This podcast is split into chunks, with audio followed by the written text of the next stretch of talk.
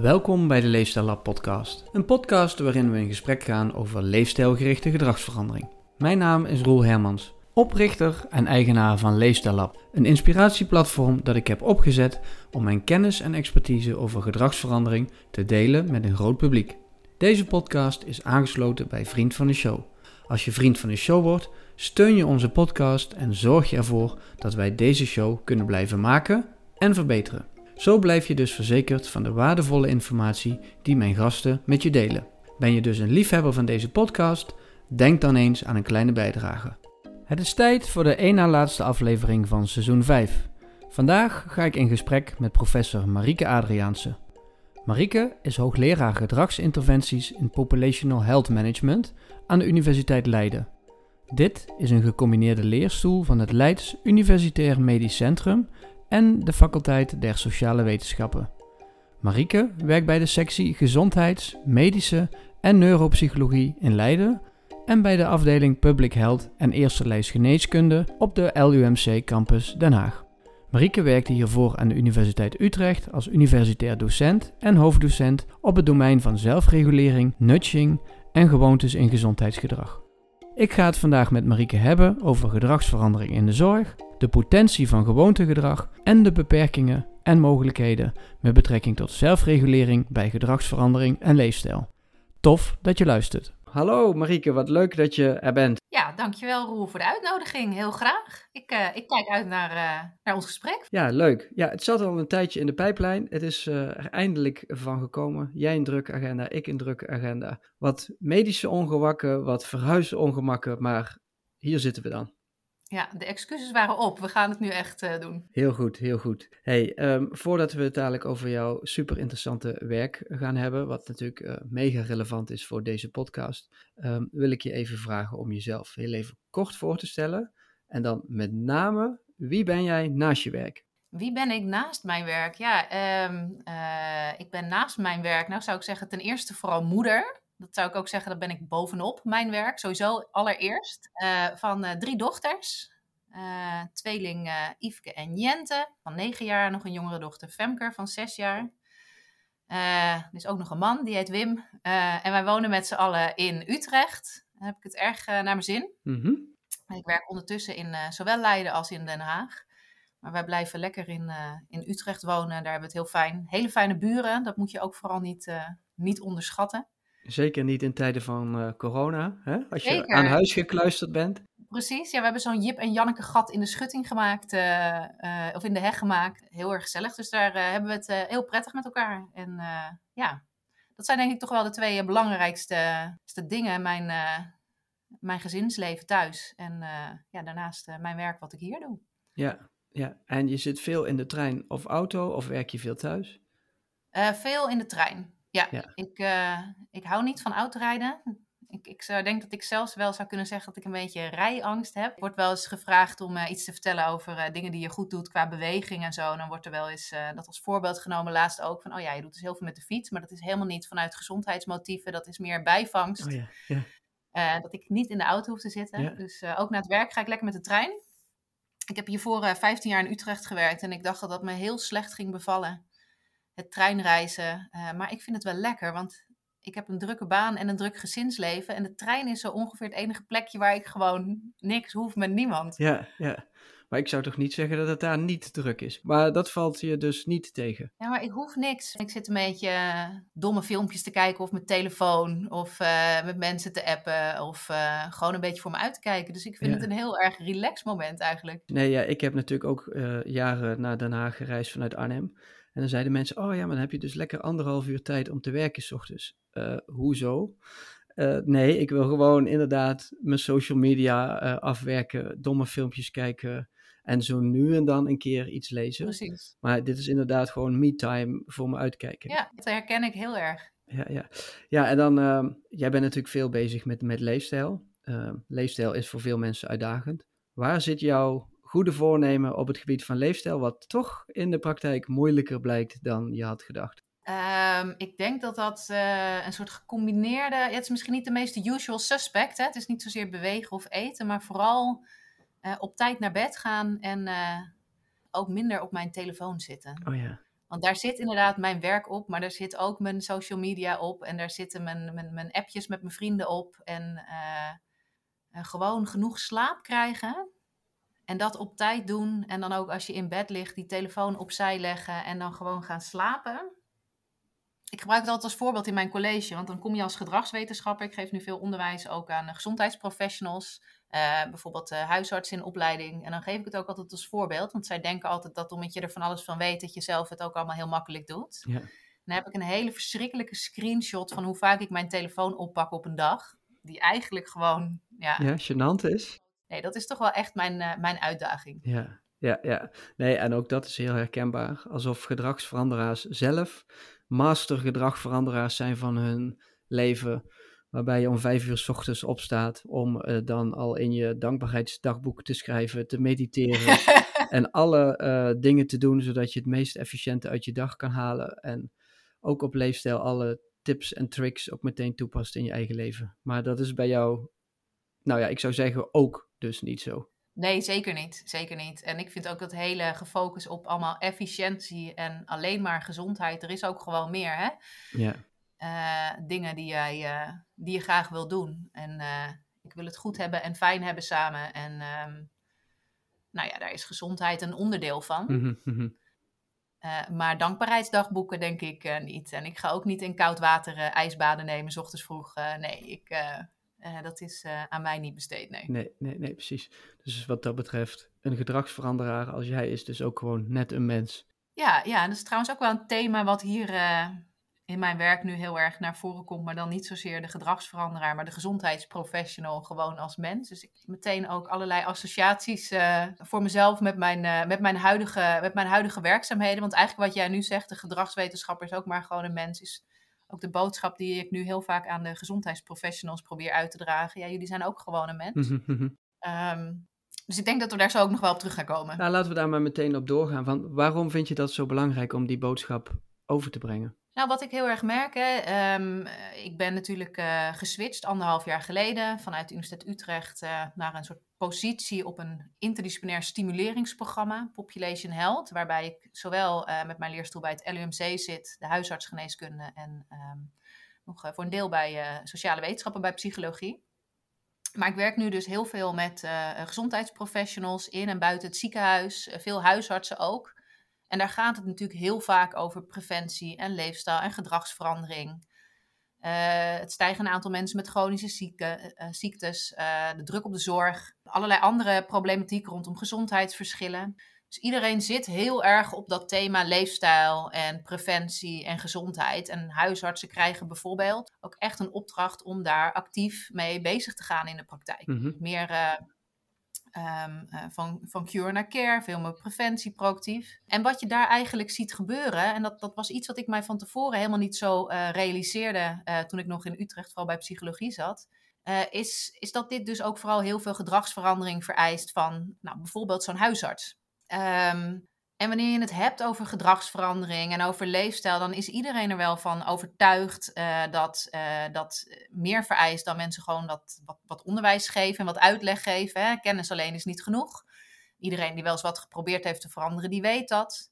En dus patiënten moeten we meenemen, die moeten we ondersteunen, die moeten we helpen om gedragsverandering makkelijk te maken. Maar wanneer het gaat over die professional, dan passen we in feite gewoon de richtlijnen aan. Uh, nou, daar krijgen ze dan ook wel even scholing in. Er wordt verteld wat je moet doen.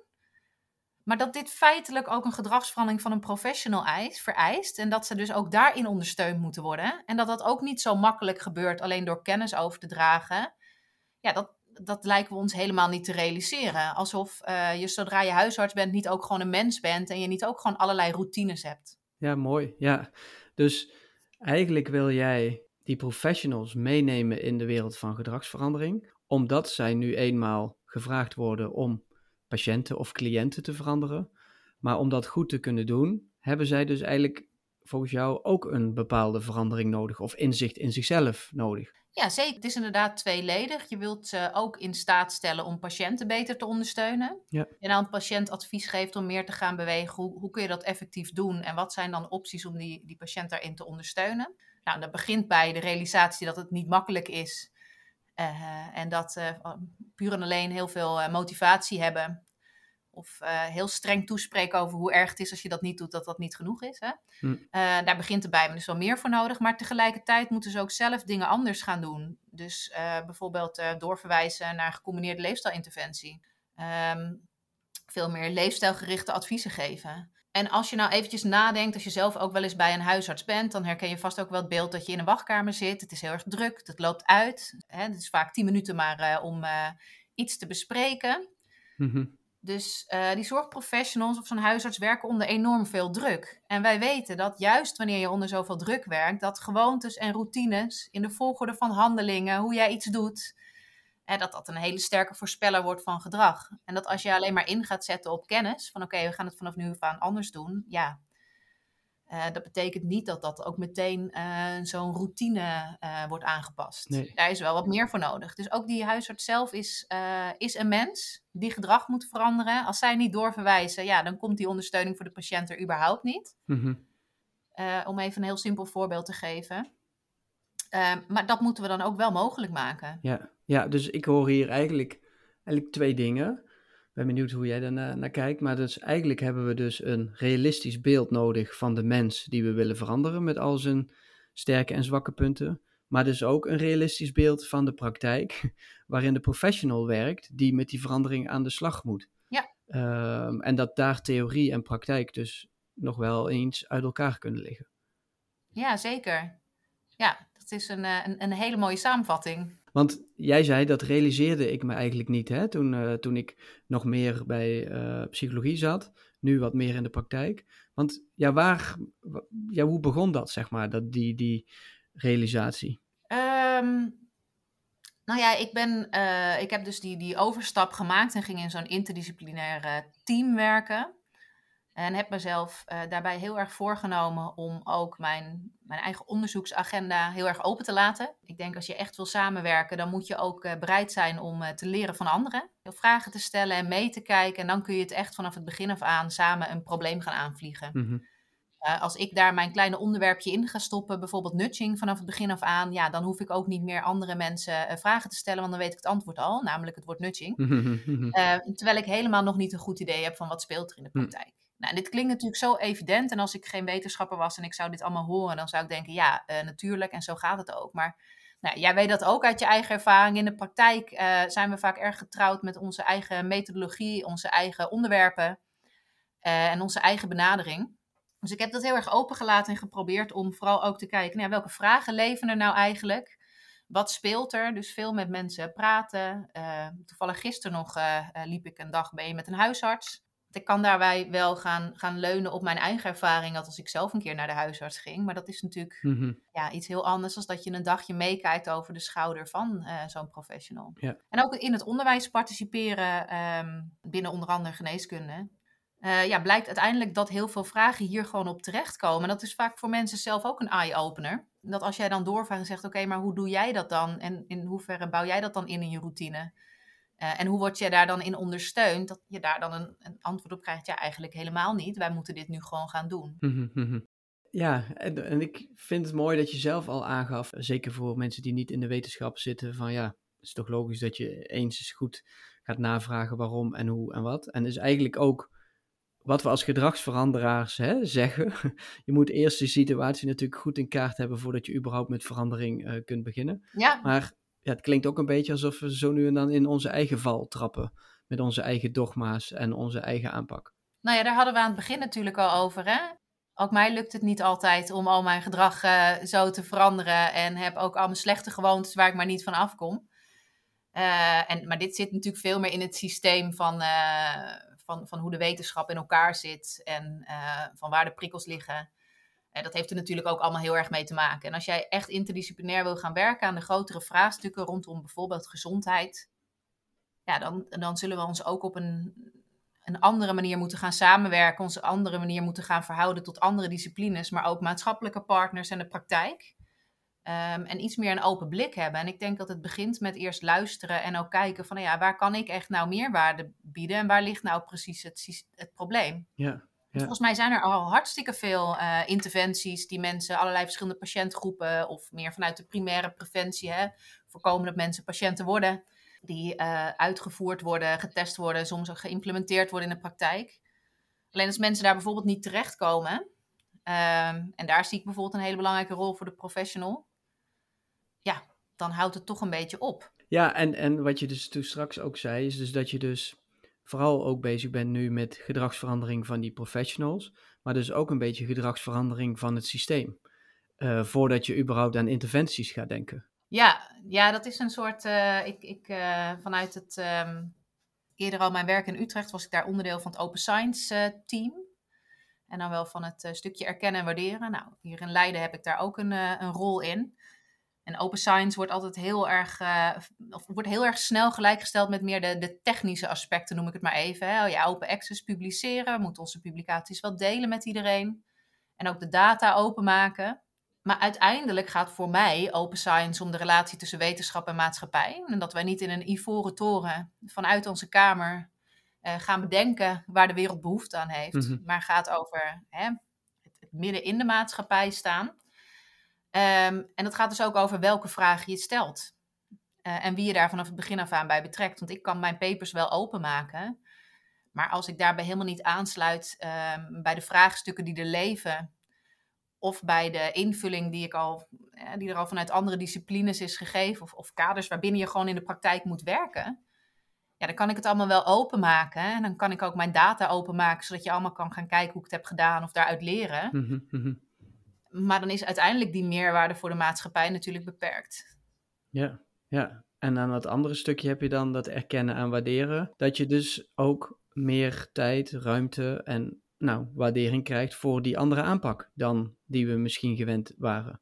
Ja, dus als je hier naar kijkt, zo'n vraagstuk zoals uh, waar we op de campus erg mee bezig zijn uh, in Den Haag, waar ik werk, is het thema gezondheidsverschillen als je daar dus echt aan wil gaan werken en vanuit interdisciplinaire benadering met de verschillende relevante uh, disciplines, maar ook mensen echt vanuit de regio, burgers ook wil betrekken, patiënten wil betrekken, dan vereist dat een hele andere manier van werken. Ik weet niet of elk vraagstuk nou uh, echt zo zit te wachten op een proefschrift, wat dan over vijf jaar een keertje klaar is. Ja. Um, soms is daar veel meer kortcyclisch onderzoek nodig en soms heb je ook veel meer een adviserende uh, functie. Mm -hmm. Er zijn dus ook andere vormen van output. En of degene die dat proefschrift moet schrijven ook al die takken beheerst. Of dat dat de schaap met vijf poten is die en kan publiceren in het Nederlands, in het Engels en presentaties geven en goede interviews of vragenlijsten afnemen met de doelgroep. Ja, dat is heel ingewikkeld. Precies, dat doe je eigenlijk in een breder team. En onze hele. Uh, dus als je dat echt wil gaan stimuleren. Ja, we zijn natuurlijk ook gewoon. Uh, we worden ook wel gevoed door de beloningsstructuren die eromheen hangen. Hm. Dus als uh, je uiteindelijk beloond wordt op het aantal papers in nou, tijdschriften van een bepaalde status. Afhankelijk van een cijfertje wat daar dan aan gekoppeld wordt. Mm -hmm. um, ja, dan is dat niet echt een impuls en dan, om op een andere manier echt te gaan samenwerken.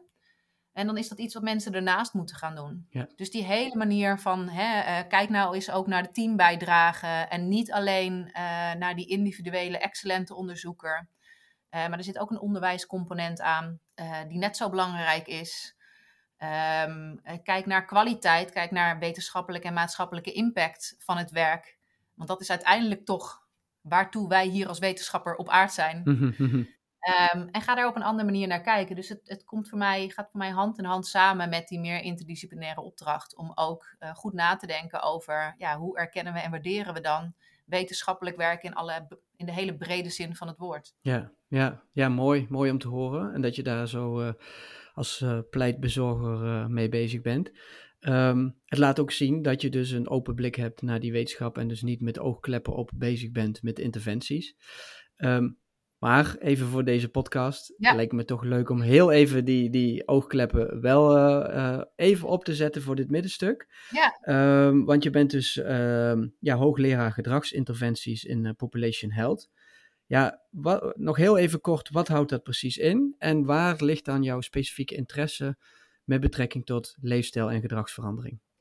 Um, ja, wat houdt dat precies in? Ja, dat kan natuurlijk heel veel dingen in gaan houden. Dus dat is ook een beetje in de andere laatste afgelopen jaar, anderhalf jaar ontstaan, zoals ik al zei. Hè, vanuit welke vragen leven er nou? Um, wij zitten dus in een uh, interdisciplinair programma Population Health. En daar worden eigenlijk um, nou, vooral de huisartsgeneeskunde, epidemiologen, uh, maar ook data scientists, bestuurskundigen en gedragswetenschappers bij elkaar gezet. Uh, om samen te kijken naar vraagstukken op het thema gezondheid. Nou, een aantal, we hebben een aantal speerpunten binnen dat, dat programma waar ik werk op de campus Den Haag. Dat is een brede blik op gezondheid, een duurzame benadering en um, dat eigenlijk alles wat we doen ook moet bijdragen aan het reduceren van gezondheidsverschillen. En we werken heel erg in co-creatie samen met de regio. En een aantal thema's waar ik me specifiek uh, mee bezig hou, uh, is één, uh, dat gezondheidsverschillen. Dus wat ik binnen dat thema doe, is vooral kijken naar eh, de gedragsveranderingstechnieken die we hebben. En in hoeverre werken die nou, zoals wij ook verwachten, binnen meer kwetsbare populaties? Werken die op een andere manier en zijn ze nou ook effectief? Mhm. Want het is eigenlijk schrijnend om te zien hoe weinig we daarvan af weten. We hebben het heel veel getest in hoger opgeleide groepen. En ja, we weten eigenlijk helemaal niet zo goed uh, hoe deze technieken nou werken uh, in mensen die bijvoorbeeld uh, lager opgeleid zijn of in, in armoede leven Mhm, mhm. of in wijken wonen waar bijvoorbeeld veel minder gezonde opties voorhanden zijn. Ja. Dus dat is één lijn en daar probeer ik ook ehm, nou ja, in plaats van nog weer een hele grote interventie met heel veel componenten, focus ik daar meer op die verschillende technieken. Mhm. Want ik hoop daarmee ook iets meer een bijdrage te kunnen leveren aan een soort eh, bredere systematische kennis over gedragsverandering. Hè? Anders hebben we een interventie die wel of niet werkt voor een bepaalde groep mensen eh, en een bepaalde problematiek, maar weten we nog steeds niet zo goed wat die verschillende componenten doen. Mhm, mhm. Dat is één lijn. Een andere lijn is die gedragsverandering van de gezondheidsprofessional. Ja, daar zit ik, zet ik vooral heel erg in op technieken ehm, eh, en manieren waarvan ik denk, ja, dit heeft de potentie om een gewoonte te worden, om juist in die routine eh, onderdeel te worden van die nieuwe routine. Omdat we weten dat mensen onder druk werken, korte tijd hebben om een patiënt te zien. Ja. Eh, dus gewoontevorming, maar ook technieken zoals nudging. Ehm, wat, kunnen we van, wat weten we daarvan en wat kunnen we daarvan gebruiken? En een derde thema is misschien een beetje verrassend, maar dat gaat over duurzaamheid. En dan niet duurzame inzetbaarheid, maar vanuit de klimaatverandering perspectief. Ja, super hot. Omdat dat, eh, ja, en, en het is natuurlijk, eh, hè, WHO zegt ook, klimaatverandering is de grootste gezondheidscrisis en de grootste gezondheidsuitdaging voor de 21ste eeuw. Ja. Nou en je ziet dat die thema's gewoon heel erg bij elkaar komen. Zowel voor de type dilemma's die er spelen, waar wij als gezondheidspsychologen veel eh, mee geoefend hebben als het gaat over uitgestelde beloningen, gewoontes veranderen, Ja. Eh, wat abstractere uitkomsten. Dus we kunnen ook heel veel eh, van de dingen die we weten, denk ik, daar ook op, over toepassen. Mhm, mhm. Eh, maar ik denk ook dat als wij goed kijken naar wat, wat betekent nou gezondheid voor ons als gezondheidspsychologen, dat daar voor mij ook duurzaamheid en gezondheid van de planeet veel meer invalt. Ja, en dit is dus ook weer een flink gedragsvraagstuk, hè, van hoe we dat aanpakken. We weten dat het een probleem is, maar de oplossing ligt vaak in gedrag van het systeem, van de burgers. Nou ja, noem maar op. Dus ja, dat is heel Ja. relevant om als gedragspsycholoog daar eh, ja, je ook mee te bemoeien. Ja, en ook als je kijkt vanuit het ziekenhuis is er ehm, bijvoorbeeld ook ehm, eh, heel veel interesse in duurzamere zorg. Hè? Ook vanuit de realisatie dat de zorg een hele grote bijdrage levert. Het is echt een relevante speler als het gaat over uitstoot. Mhm, mhm. Dus ook hoe kunnen we de zorg duurzamer maken. Dus het, het gaat twee kanten op. Ja, mooi. Ehm, ik ga hem nog even wat verder afpellen, want ik hoorde een, eh, een mooie term, gewoontes.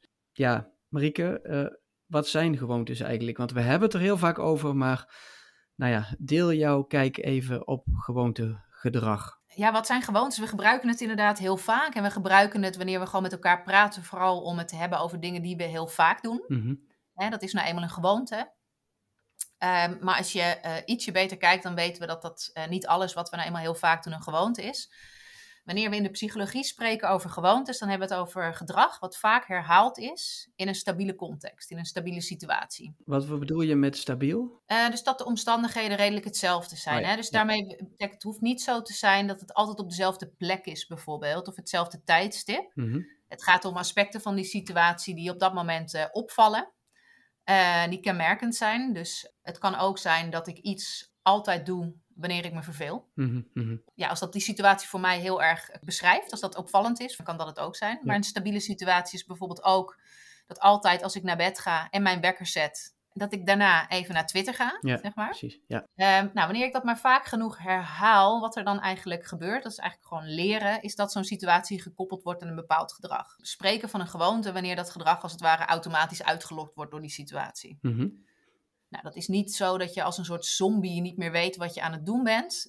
Um, dat, automatisme wordt soms nog wel eens verkeerd begrepen. Uh, maar ik, heb er, ik hoef er in elk geval niet heel uitgebreid over na te denken. Ik heb er geen aandacht meer voor nodig. Ik hoef me niet bewust voor te nemen. Al zonder dat ik daar heel erg mee bezig ben, zet ik mijn wekker en ik ga al, uh, zonder daar heel erg bij stil te staan, zit ik alweer op Twitter en zit ik berichtjes door te scrollen. Ja, ja. En, en daar zit dan nog een stukje beloning onder om dat te blijven triggeren, toch? Ja, je hebt eerst beloning nodig om dat maar vaak genoeg te herhalen. Mhm. Uh, want als gedrag niet belonend is, dan ga ik het niet nog een keer doen. Precies, waarom zou je dan elke keer Twitter openen? Ja. ja? Dus in eerste instantie is het gedrag wat ook beloond wordt. Maar um, wat ze eigenlijk bijvoorbeeld ook meer in de, de animal learning literatuur zeggen is, en ook zien, is dat wanneer die beloning geen rol meer speelt, en dus direct getriggerd wordt vanuit de context, dan spreken we over gewoontes. En dat maakt gewoontes ontzettend handig. Mhm. Want als je dus lastige dingen moet volhouden, dan is het niet steeds meer afhankelijk van beloning en van bewuste motivatie. Uh, dat hebben we ook nodig, anders dan had ik deze dag al niet eens volgehouden en zat ik niet nu met jou uh, deze podcast op te nemen. Nee. En alle kleine beslissingen die ik moest maken. Ja. Maar het maakt het ook lastig, want als mijn voornemens dus veranderen, nou ja, dan is dat prima. Dan kan ik heel erg gemotiveerd zijn om ander gedrag te vertonen. Maar je gedrag wordt niet meer zozeer gestuurd door die uh, goede voornemens en wat je wil. Ja. Het wordt direct getriggerd door de context. Ja. Dus als jij verandering zou willen aanbrengen in jouw slaaproutine, hè, wat je net zei, ja. van ik wil iets met dat Twitter, ja. dan is dat dus uitdagend, want dat is een gewoonte die automatisch gaat. Ja, ja. Dus ja, dan, dan zou je uh, veel meer vanuit gewoontes moeten gaan redeneren van hoe zou ik dat dan kunnen aanpakken. Mm -hmm. Nou, dat, dat, zou je dus uh, kunnen doen door die, die cue weg te halen. Hè? Dus uh, ik heb er ook wel eens over nagedacht om maar zo'n grote ouderwetse wekker naast mijn bed te zetten. Dat is natuurlijk een optie. Ja. Maar wat ik dus vooral, hè, want we hadden het net over gewoontes meer in een relatie tot de gezondheidsprofessional. Dan heb ik het ook vooral over goede gewoontes creëren. Ja. Want wat er heel veel gebeurt is dat er bijvoorbeeld uh, meer leefstijladvies ge gegeven moet worden of door moet worden verwezen naar andere, uh, ja, meer leefstijlinterventies bijvoorbeeld. En dat gaat eigenlijk over het toevoegen aan de routine van iets wat er niet standaard in zit. Um, en we kunnen wel mensen daarop attenderen en verwachten dat ze dat vanuit motivatie gaan doen. Maar we weten ook, jij weet het ook, dat de motivatie een beperkte voorspeller is. En dat zeker wanneer je onder druk staat en je een soort hele sequentie hebt van handelingen, van even iets invoeren in een patiëntendossier. Ja, dat um, die, die goede voornemens of die motivatie niet altijd zo'n grote rol speelt in het sturen van gedrag. Nee. Dus je wil dat ook als je afgeleid bent, aan andere dingen bezig bent, uh, als je onder druk staat, dat dat gewoon een onderdeel is geworden van je routine. Ja, ja. ja, want dat vind ik nog wel even een interessante. Je noemt ook routine en gewoontes. Maar die worden ook in de volksmond wel eens door elkaar gebruikt. Ja. Kan dat? Of zijn het verschillende dingen? Ja, in de literatuur zijn het verschillende dingen. Uh, bijvoorbeeld, um, nee, in de literatuur zijn het verschillende dingen. Wanneer het gaat over routine, zijn het bijvoorbeeld ook in teams die uh, bepaalde handelingen op elkaar, uh, na elkaar laten volgen en op elkaar ingespeeld zijn. Mm -hmm. um, en ook wanneer je het hebt over gewoonte, kan je ook nog weer het verschil gaan maken over iets uh, uit gewoonte initiëren. Dus het starten van gedrag en iets als gewoonte uitvoeren. Nou, we zien dat veel minder gedrag echt als gewoonte uitgevoerd wordt. Als je bijvoorbeeld gaat hardlopen, wat je wil is dat of als mensen meer gaan bewegen, um, iets laagdrempeliger. Um, dan wil je vooral inzetten op dat het een gewoonte wordt dat je de deur oh, dat je je schoenen aandoet en dat je de deur uitgaat. Mhm, en het mhm. is niet zozeer dat het helemaal een soort gewoonte is geworden dat je het ook uitvoert en dat je zonder na te denken die hele route loopt. Ja. We willen vooral mensen in beweging krijgen. Maar je kan dat helemaal gaan uitpellen en gaan kijken hoe psychologen daarnaar kijken en dat uit elkaar gaan halen. Um, en dat is heel erg interessant, maar dan verval je ook wel weer vaak in dat hyperspecialistische onderzoek. Terwijl de inzichten die we hebben over gewoontes misschien helemaal niet zo, uh, zo spannend en groot uh, en moeilijk zijn ze eigenlijk niet. Alleen we integreren het helemaal niet in de praktijk. Hm. Hm. Maar als je nou kijkt naar een huisarts, iedereen heeft een huisarts. Die geeft ook redelijk vaak leefstijladvies. Nou, als je het daaraan zou kunnen koppelen, dat je dat op een manier doet uh, die iets beter blijft, blijft hangen of iets meer hè, de dingen dat je die adviseert, dat die iets meer potentie hebben, dat mensen dat ook kunnen volhouden, dan is dat natuurlijk wel heel erg waardevol. Ja, en daarmee wordt het dus ook op een wetenschappelijke manier laagdrempelig praktisch. Ja, ja, ja. precies. ja. Ja. Ja, want dan eh, routines, dus is meer ook een verzameling van handelingen dus, hoor ik je zeggen. Ja. Gewo Ja. Gewoonte is dan misschien meer iets specifieker voor één handeling, die je dus in die stabiele context blijft uitvoeren zonder nadenken. Ehm, en een ander thema waar jij ook veel mee bezig bent geweest, of bent, is zelfregulatie en zelfcontrole. Ja. Eh, welke rol speelt dat in het proces van gedragsverandering? Want waarom heb je daar zoveel jaren aan besteed? Dit is wel een beetje een gewetensvraag, Roel. Oh, is dit Dit, een eh, gewetensvraag? Waarom? Nou ja, kijk, ehm, ja, zelfregulatie gaat natuurlijk eigenlijk ook heel erg veel over wat jij kan doen om je weerbaar te maken tegen alle verleidingen die er zijn in het, om ons heen, In hè, de omgeving. Ja, ja. Dus dan gaan we mensen leren om plannen te maken en doelen te stellen. En eh implementatieintenties is daar een voorbeeld van. Nou, daar ben ik helemaal op losgegaan met mijn onderzoek. Ja. Daar weet ik alles van. Dus één klein specifiek techniekje. En we kunnen ze gaan laten monitoren. Ehm, eh, we hebben technieken om self-efficacy te verhogen. Door wat kleinere taakjes te geven, zodat je succeservaring hebt. Dat is allemaal natuurlijk ontzettend belangrijk. Eh, maar tegelijkertijd is er ook nou eenmaal die omgeving. En Mhm. wat ik, ik denk dat zelfregulatie nog steeds heel erg belangrijk is, maar dat het wel wat meer geïntegreerd kan worden met inzichten die we hebben over de rol van de omgeving. Ik heb eerst veel onderzoek gedaan naar zelfregulatie, maar ook veel naar eh, de rol van de omgeving, vrij specifiek onderzoek naar nudging. Hoe worden keuzes gepresenteerd? En dat wordt een, vaak een beetje tegen elkaar afgezet. Hè? Dus dat je, hè, je bent een beetje in dezelfde periode eh, ook opgegroeid als wetenschapper, zeg maar. Het was eerst allemaal hoe gaan we het inderdaad het individu weerbaarder maken, hoe gaan we zelfregulatie verhogen. En toen gingen we een soort shift maken naar eh, meer nudging, de omgevingsinterventies. We gaan de omgeving aanpassen. En wat ik nu vooral zie, zoals met alles, nature nurture, we hebben het allebei nodig. Eh, en ik denk ook dat we die inzichten uit de omgeving veel meer kunnen gebruiken op een manier die meer aansluit bij zelfregulatie. Die klinkt misschien een beetje vaag, maar we zijn natuurlijk niet helemaal weerloze wezens die afhankelijk zijn van de omgeving. Mhm, mhm. Maar we weten nu eenmaal dat de omgeving een rol speelt. Eh, en dus ook hoe jij bijvoorbeeld in je huis eh, dingen inricht. En daar kunnen we ook zelf invloed op uitoefenen. Mhm, mhm. En net zoals in zo'n huisartsenpraktijk, als jij weet dat het heel erg uitmaakt eh, hoe jij jouw keuzeomgeving inricht. En dat het helpt als jij een reminder eh, eh, eh, op jouw bureau hebt. Of een bepaalde sticker die jou erop wijst dat je iets moet zeggen over leefstijl. Bij wijze van spreken. Nou, dan kan ik dat bij alle huisartsen erop gaan plakken als een interventie. Maar ik kan mensen ook leren over hoe je dit soort inzichten toepast. Om het makkelijker te maken om hè, die andere manieren van werken. Bijvoorbeeld die meer leefstijlgerichte benadering te integreren. Mhm, mhm. Dus ik heb me inderdaad heel gericht op zelfregulatie, later ook meer die omgeving. En ik probeer het nu echt ook bij elkaar te brengen. Ehm, omdat ik denk dat als wij mensen hier meer inzicht in bieden, ze het ook veel flexibeler toe kunnen passen op verschillende vraagstukken. Ja, ja want, want waar knaagt het dan precies aan je geweten toen ik dat vroeg? Nou ja, dat, dat is natuurlijk wat je nu ook heel erg veel hoort. Hè? De verantwoordelijkheid bij het individu liggen. Dat zit natuurlijk heel erg gekoppeld eh, aan het idee van zelfregulatie voor heel veel mensen. Dus vandaar dat ik daar een beetje ook. eh, ehm, vandaar dat ik dat ook aangaf. Mhm. Eh, want we weten dat mensen. Dat er een, een beperkt, beperkingen zijn aan onze zelfredzaamheid. En dat we gewoon ook voor een heel groot, gedra- groot gedeelte gestuurd worden door onze omgeving. Ja. En dat het ook niet helemaal eerlijk is. En ook niet zo effectief om alle verantwoordelijkheid bij het individu te leggen, die dan maar allerlei strategieën moet gaan toepassen.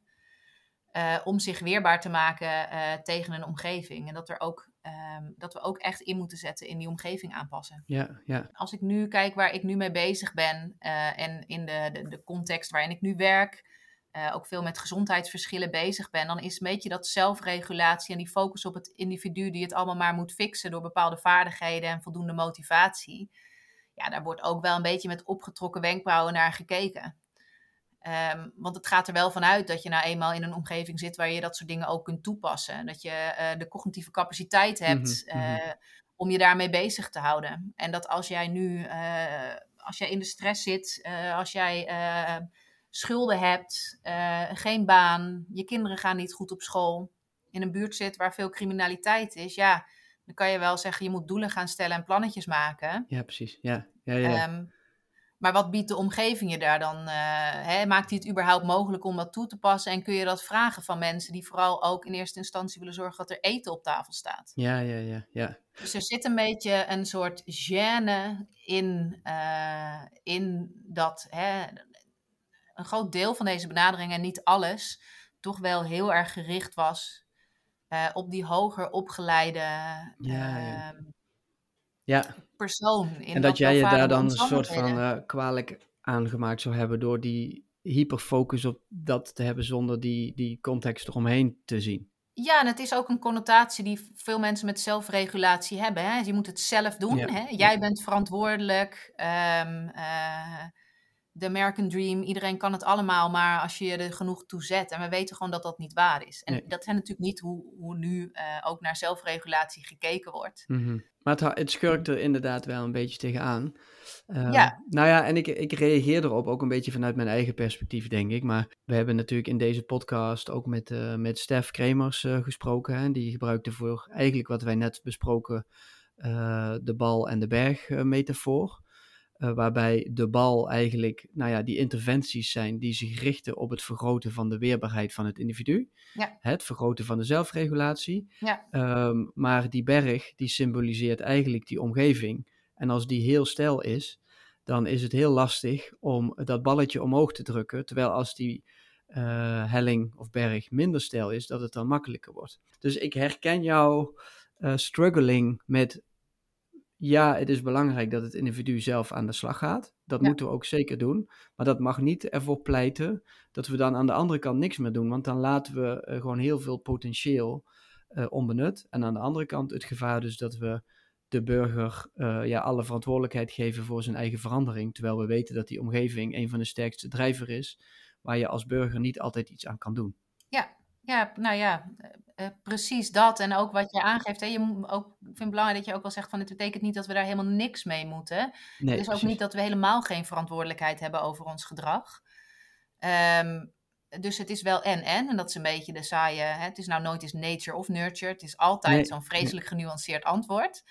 Um, maar... maar dat maakt het ook zo moeilijk, want dat kom, zie je bijvoorbeeld dan in de media niet terug. Want dan zie je in de media zegt hè, de media is ook een beetje flauw natuurlijk, maar je ziet heel vaak van die dingen terug dat ja, um, als je zelf maar uh, genoeg kennis hebt, dan kun je die keuzes wel maken en dat moeten we bij de mensen laten. En als er dan een, een ingreep op de keuzevrijheid is of uh, daarvan beticht wordt, dan, dan slaat iedereen op hol. Terwijl eigenlijk is het nooit of-of, maar het is en-en. Alleen dat verhaal, dat zie je nog niet zo vaak terug. Of het nu over duurzaamheid gaat of over gezondheid. Het gaat of vaak over de burger die iets moet, of de industrie die iets moet.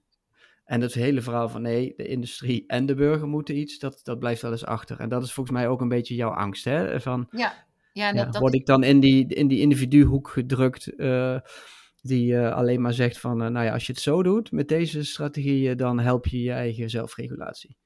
Ja, en ik denk dat je het dus ook wel op een bepaalde manier bij elkaar kan brengen. Dus inderdaad, wat, ik, wat ik denk dat je ook mensen uitleg kan geven over, kijk, hoe, uh, als jij dit nou wil doen, hoe maak jij dat makkelijker voor jezelf? Precies. dat, daar komt het ook wat meer bij elkaar. Dus ik denk ook dat krampachtig uit elkaar trekken, dan gebruiken we ook niet het beste van beide werelden. Nee. Um, maar dit is, dit is precies zo. En je ziet het ook met het thema duurzaamheid. Hè? Dat is ook waarom ik dat zo interessant vind. Daar heb je precies die parallellen. Dan gaan ook de discussies van: uh, ja, is het nou het individu wat moet veranderen of het systeem? Waarbij we voorbij gaan aan het feit dat het systeem bestaat uit individuen.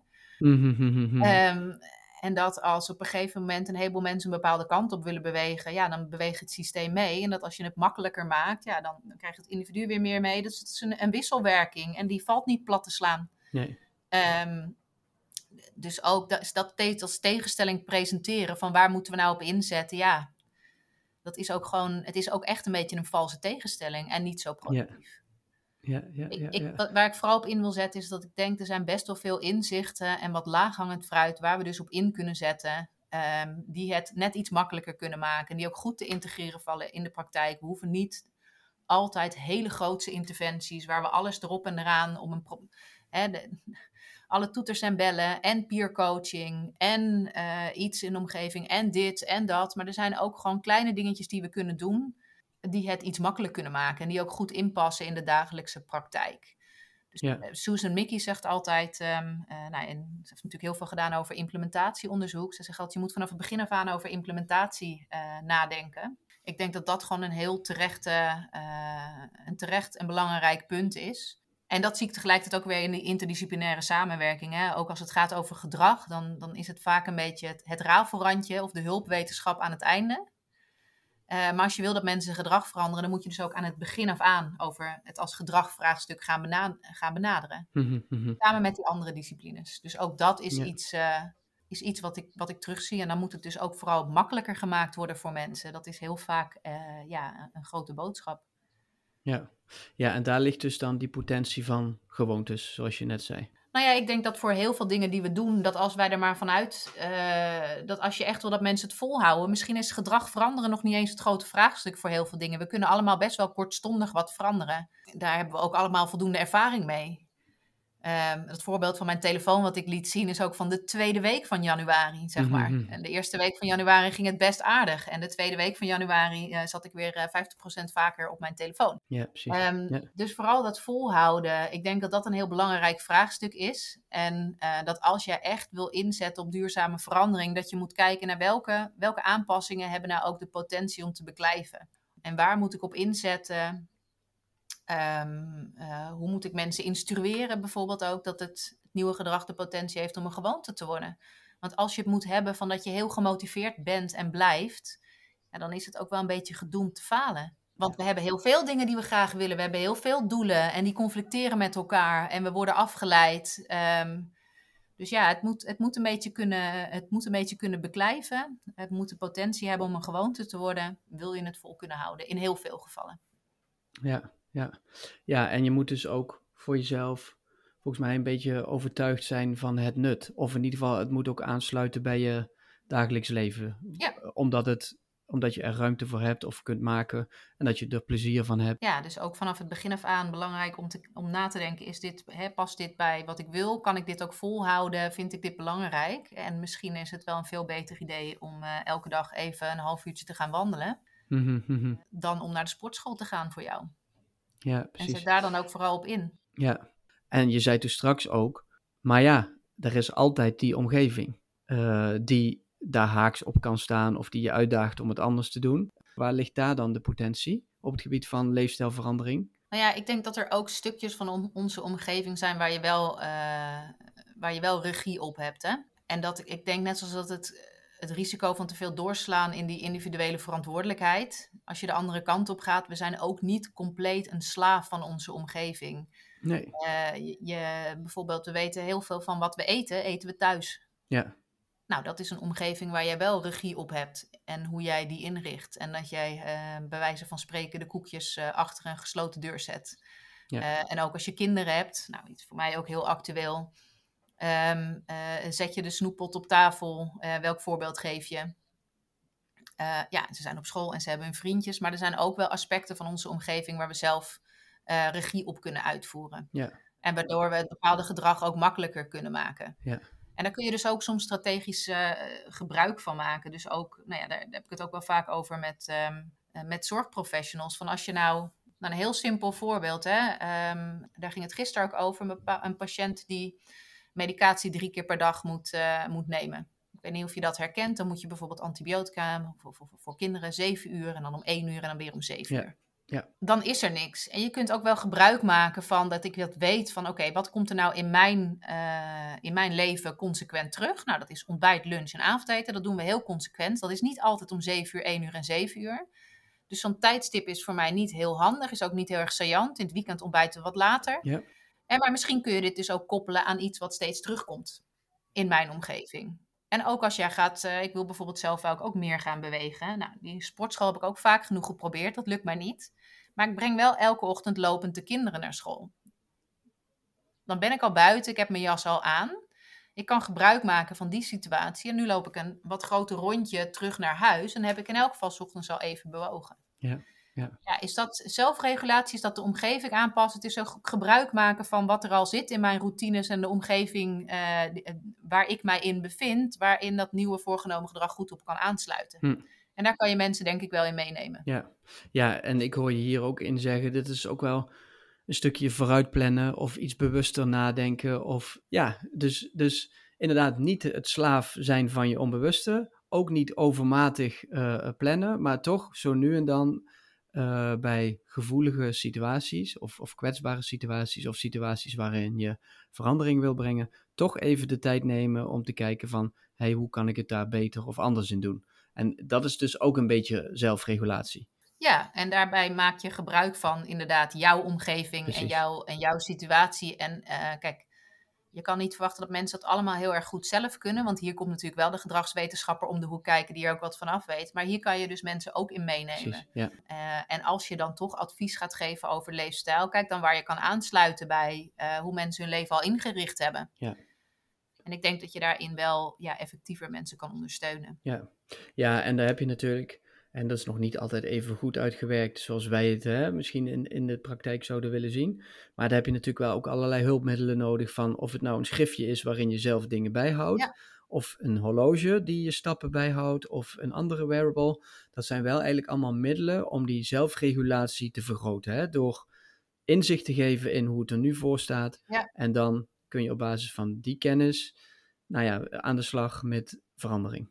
Ja, en dat is natuurlijk, dat eh, e-health is ook natuurlijk weer een heel groot thema. En ik vind dat zelf ook wel spannend, wat dat dan weer bijvoorbeeld doet met gezondheidsverschillen. Ja. Uh, daar heb ik nog helemaal niet zo'n duidelijk antwoord op. Maar in hoeverre bereik je nou de mensen die we eigenlijk het liefste zouden willen bereiken? Um, ja. En gaan die, dat, gaan, die dat, gaan die dat ook gebruiken? Uh, kunnen, die er, ja, kunnen die er wat mee? En het, het, is ook heel erg afhankelijk van, van, de, van de type nou ja, wearable of app of wat je dan ook gebruikt, sluit dat genoeg aan bij de leefwereld van mensen. Ik denk dat daar wel een belangrijke uitdaging zit en iets waar we alert op moeten zijn. Dat we niet het zoveelste ja, type interventie of tool gaan ontwikkelen. Ja, waar vooral gewoon een bepaalde groep mensen die het eigenlijk al wat beter doet, veel profijt van heeft. Ja, precies. Dat is misschien wel het risico van, van dit soort interventies op technologische basis. Want uiteindelijk, de techniek, die kan door iedereen gebruikt worden en wordt ook door iedereen gebruikt. Uh, maar dan moet die wel um, voldoende belonend zijn of makkelijk zijn. Hè? Ik bedoel, iedereen vindt game, of iedereen, maar uh, games, hoef, qua opleidingsniveau maakt het geen zak uit. Want iedereen vindt Super Mario tof. Nou, daar zit dus blijkbaar iets in ja. uh, wat het voor iedereen tof maakt, ongeacht uh, opleidingsniveau. Ja, een app met daarin informatie over gezondheid, ja, dat is weer iets anders. Maar die telefoon, die vindt iedereen ook interessant. Ja. Dus het is inderdaad vooral de manier waarop je het aanbiedt en niet het middel, denk ik. Ja, en, en gewoon heel simpel dat het bijvoorbeeld ook begrijpelijk is voor iedereen. Precies, ja. Ja, of, ja, en inderdaad dat het dus ook gewoon iets uit te halen is naast gewoon kennis. Ja. Kijk, dat vind ik zo mooi aan games. Mensen gaan ermee aan de slag. Uh, en het, het, het leert vanzelf, doordat er allerlei dingen in zitten waardoor je geprikkeld wordt uh, en je door wil gaan.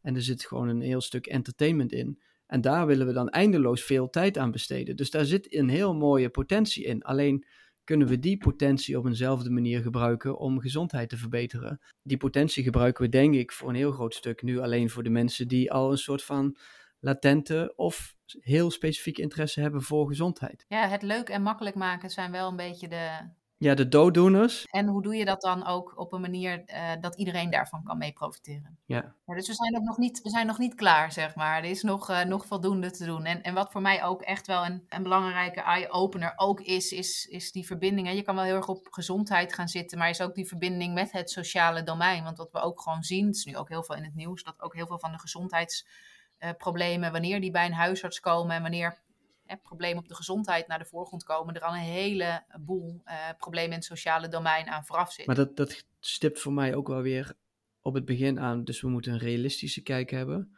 op mensen. En daar hoort dat sociale aspect gewoon enorm in. Ja. Uh, we, we zijn nou niet eenmaal individuen die in isolement nee, leven. Nee, als jij uh, in een problematische situatie zit, als jij inderdaad niet weet of jij, wat nu hè, voor meer mensen een realiteit aan het worden is, of jij gewoon überhaupt eten op tafel uh, kan zetten, ja. ja, dan is, of, is gezondheid niet jouw grootste prioriteit. Nee, nee, en als iedereen om jou heen een bepaald gedrag vertoont, dan is de kans groot dat jij dat gedrag Precies. ook vertoont of gaat vertonen. Precies, ja. ja. Dus daar moeten we dan ook, ook nog iets mee. Ja. Dus eigenlijk hebben we gewoon best wel ingewikkeld werk, Marieke. Het is super ingewikkeld werk, maar het laat ook zien, denk ik, het punt waar wij eh, begonnen toen jij ook iets vroeg over mijn, uh, hoe ik nu uh, werk en waar ik me nu mee bezig sta. Het belang van dus uit je eigen discipline komen en uit jouw hokje komen.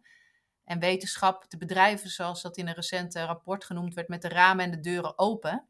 Hm. Want als jij in je eigen disciplinaire uh, visie blijft zitten en je negeert al die andere dingen die daar omheen spelen, ja, dan, dan, dan kom jij niet met een oplossing die ook echt gaat beklijven. En dat betekent niet dat we ook niet die, uh, die specialisten nodig hebben. Hè? Voor een goede interdisciplinaire samenwerking heb je een stevige unidisciplinaire basis nodig. Maar als we dit willen gaan aanpakken, dan is het gewoon een complex probleem waarin je vanuit die verschillende disciplines op moet samen gaan werken. Ja. En ik denk dat je dan uiteindelijk ook tot beter onderzoek komt en tot betere interventies en ook meer impact. Ja, ja. Maar het is, wel, het is wel moeilijk. En het is ook nog eens iets waar we helemaal niet in opgeleid zijn. Hè? Ik bedoel, dan hebben we het weer even over de wetenschap en het veranderen van de wetenschap. Mhm. Maar het is ontzettend moeilijk om echt samen te werken. Ja, vanwege? Eh, nou ja, dat, dat heeft ook weer te maken met die beloningsstructuren. Het gaat toch over de publicatie waar jij dan op staat en daar krijg jij dan de credits voor. Ja. Terwijl als jij dus echt wil gaan samenwerken en wil gaan leren van andere disciplines en vooral ook uh, wil gaan kijken waar kan ik de grootste bijdrage leveren, ja, dat is misschien niet uh, met die ene specifieke publicatie.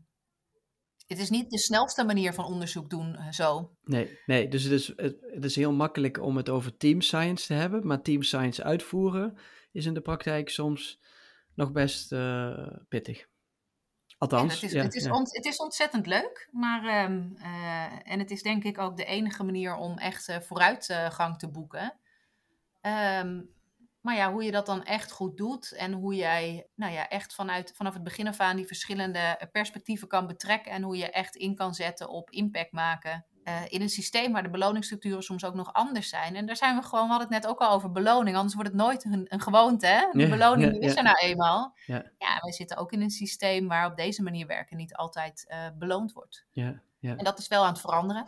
Ja. En dat is denk ik juist voor dit soort type onderzoek uh, heel erg belangrijk. Dus dat gaat voor mij ook hand in hand. Ja. Ja.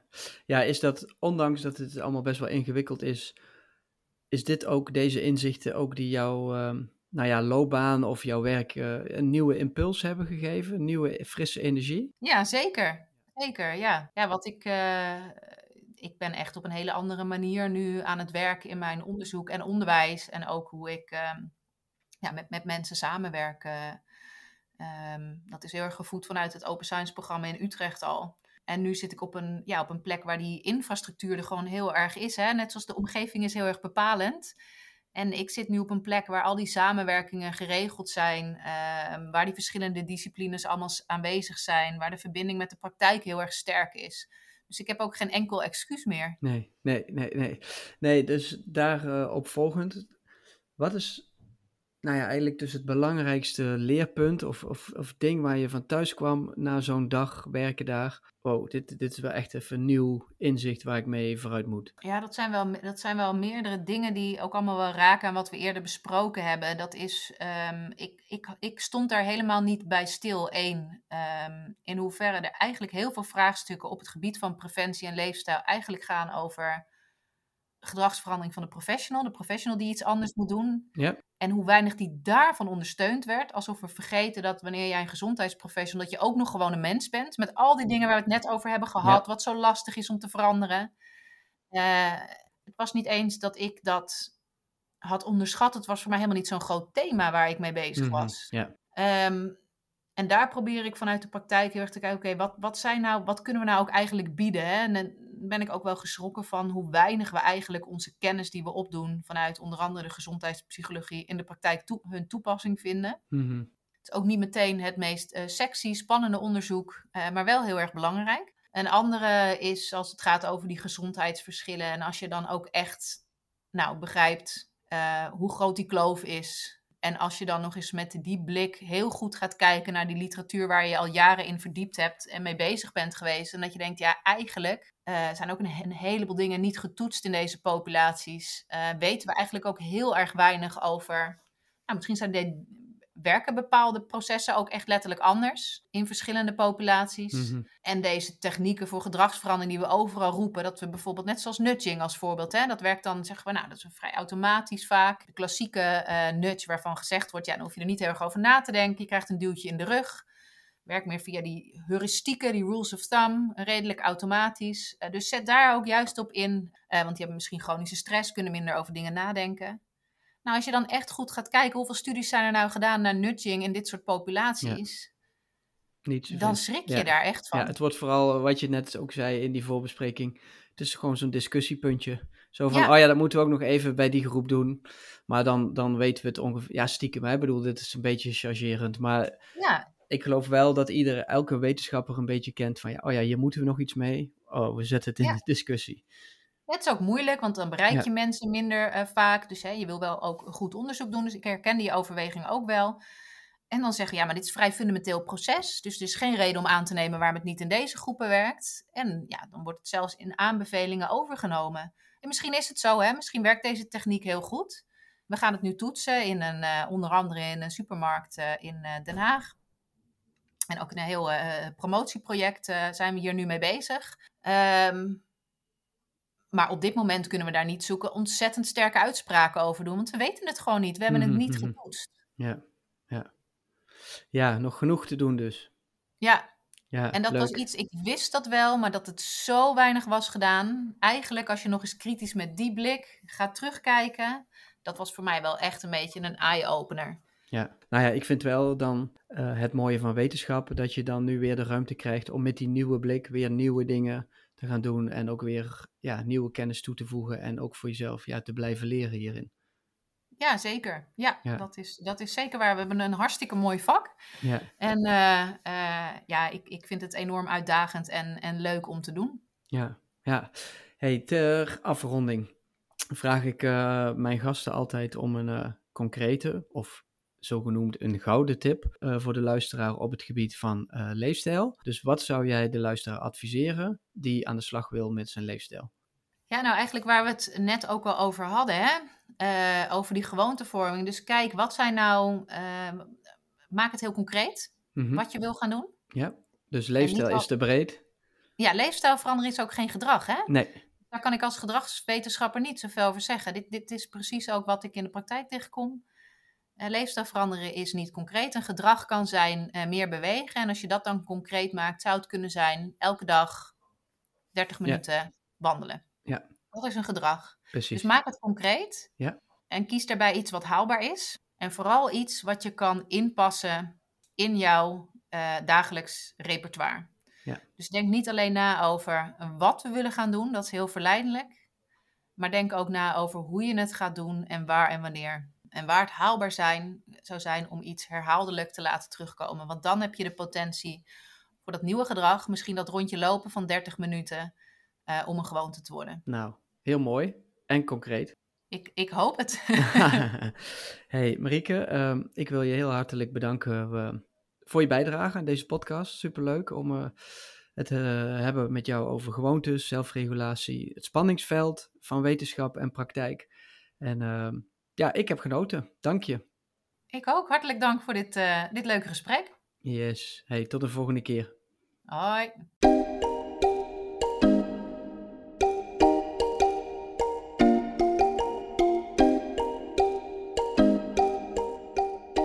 Ja, het zit er weer op. Aflevering 35 van deze podcast, waarin ik in gesprek ging met professor Marieke Adriaanse. Het centrale thema van deze aflevering was de zorgprofessional als mens, waarbij we soms lijken te vergeten dat werken aan gedragsverandering ook gedragsverandering vraagt van degene die ermee bezig is.